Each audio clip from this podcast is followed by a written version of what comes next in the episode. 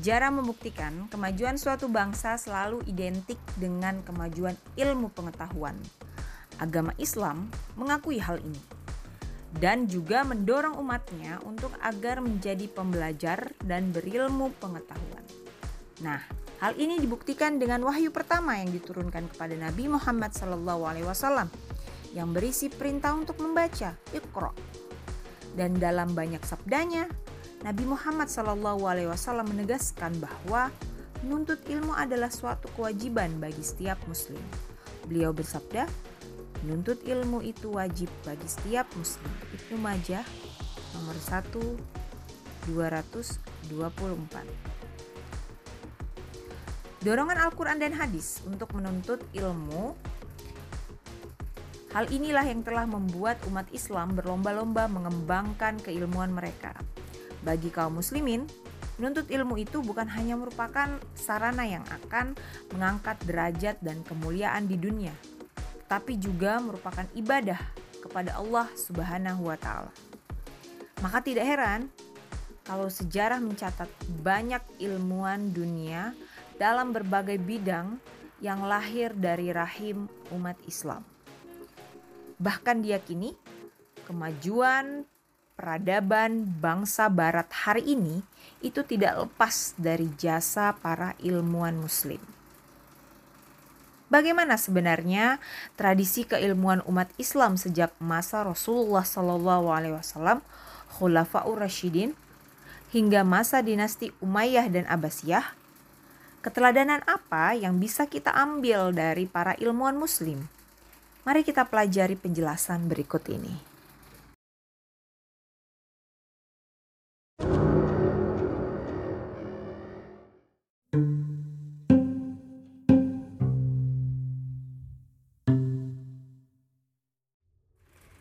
Bismillahirrahmanirrahim.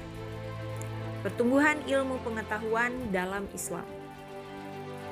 Pada masa Rasulullah Wasallam, di kalangan bangsa Arab, Arab jahiliyah sebelum Islam, tidak ada ilmu pengetahuan dan tidak ada pula yang bisa disebut sebagai ilmu keilmuan dalam arti sesungguhnya.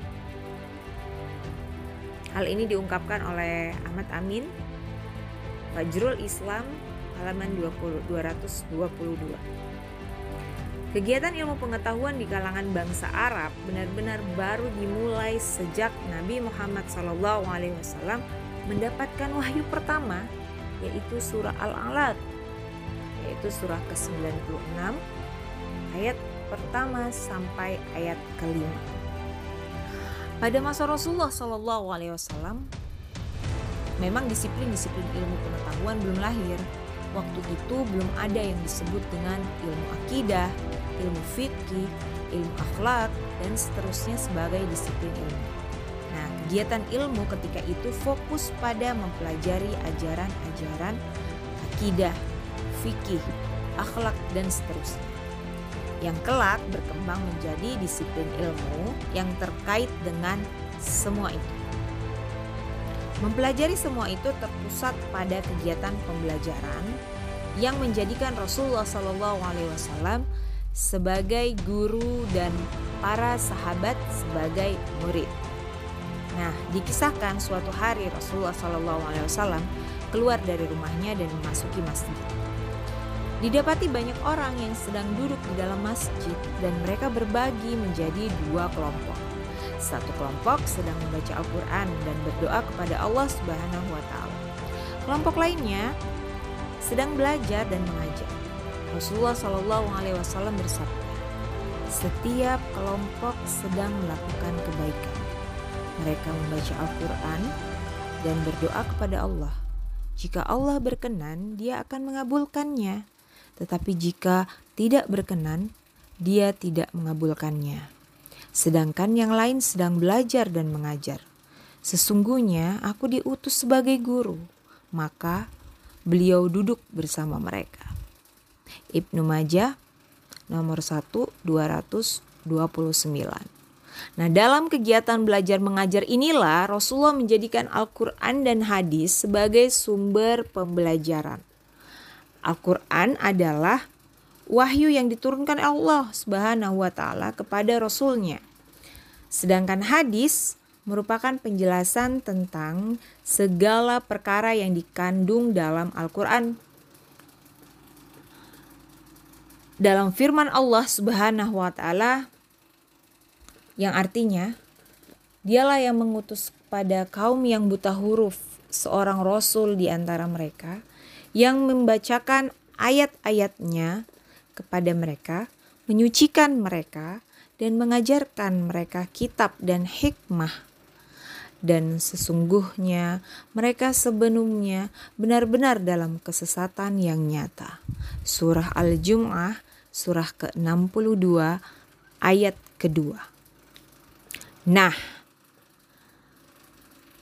tahu nggak kalian siapa tokoh para sahabat yang paling terkemuka menurut Rasulullah Shallallahu Alaihi Wasallam?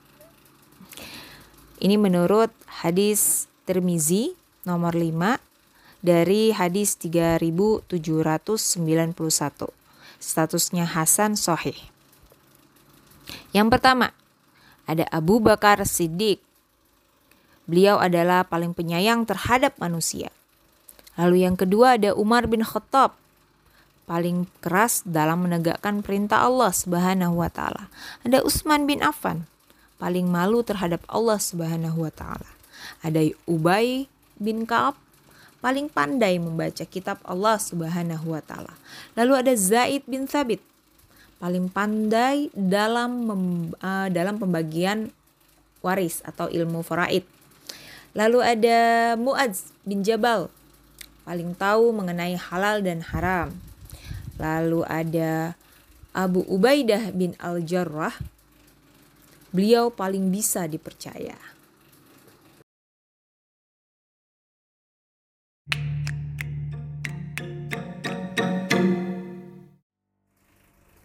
Lalu pada masa Khulafaur Rashidin. Nah, Khulafaur Rashidin artinya para khalifah yang berkuasa setelah wafatnya Rasulullah Shallallahu Alaihi Wasallam dan menjalankan kekuasaan dengan sebaik-baiknya. Mereka adalah Abu Bakar As-Siddiq, Umar bin Khattab, Uthman bin Affan, dan Ali bin Abi Thalib.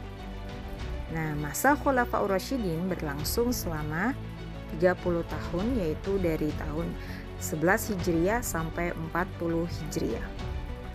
Pada masa ini, ilmu pengetahuan mengalami banyak sekali kemajuan. Pusat ilmu pengetahuan berdiri di tiga kota penting, yaitu apa saja? Madinah, dipelopori oleh Ubay bin Ka'ab. Mekah, dipelopori oleh Abdullah bin Abbas. Dan Kufah, dipelopori oleh Abdullah bin Mas'ud dan Ali bin Abi Thalib. Satu hal yang sangat penting pada masa Ali, Ali bin Abi Thalib telah lahir satu disiplin ilmu yaitu ilmu bahasa Arab. Ya, meskipun sejak sebelum Islam, bangsa Arab banyak yang ahli sastra Arab. Ketika itu Ali bin Abi Thalib memerintahkan Abul Aswad Ad-Duali untuk menyusun ilmu nahu. Nah, di antara sahabat yang masyur dengan ilmu pengetahuannya adalah sebagai berikut. Uh, ada Abu Hurairah 19 tahun sebelum Hijriah sampai 57 Hijriah atau 599 Masehi sampai 676 Masehi. Nah, Abu Hurairah ini merupakan sahabat yang paling banyak menghafal dan meriwayatkan hadis dari Rasulullah Shallallahu Alaihi Wasallam. Abu Hurairah meriwayatkan 5.374 hadis dan terdapat 800 perawi hadis dan e, dari kalangan sahabat dan tabi'in yang meriwayatkan hadis darinya. Lalu ada Zaid bin Thabit 12 tahun sebelum Hijriah e, sampai 45 Hijriah atau sekitar 611 sampai 665 Masehi. Nah, Zaid dikenal sebagai sahabat muda yang cerdas, berwawasan luas, dan multi talent. Nah, beliau sekretaris wahyu yang paling banyak diandalkan oleh Rasulullah Wasallam. Zaid juga mengetuai komisi pembukuan Al-Quran. pada masa Abu Bakar dan masa Utsman bin Affan. Nah, mushaf Utsmani yang ada di tangan umat muslim sampai hari ini itu adalah hasil dari pekerjaan Zaid bin Thabit. Nah, beliau juga menguasai bidang faraid atau pembagian waris. Lainnya ada sahabat Abdullah bin Abbas. Tiga sebelum Hijriah. Jadi tahun ketiga sebelum Hijriah sampai 68 Hijriah atau sekitar 619 Masehi sampai 687 Masehi. Nah, Ibnu Abbas dikenal sebagai turjumanul Quran atau penerjemah Al-Quran. Artinya, ahli di bidang tafsir Al-Quran. Sepupu Rasulullah Shallallahu Alaihi Wasallam ini memang tokoh yang paling berpengaruh dalam ilmu pengetahuan generasi awal Islam. Berkat doa Rasulullah Shallallahu Alaihi Wasallam untuknya yaitu Ya Allah fahamkanlah dia perkara agama dan ajarkanlah kepadanya tafsir Al-Quran. Ahmad hadis nomor satu dari 2397. Nah, dengan ahli tafsir Al-Quran, otomatis Ibnu Abbas menjadi seorang faqih yang mengerti betul perkara-perkara agama.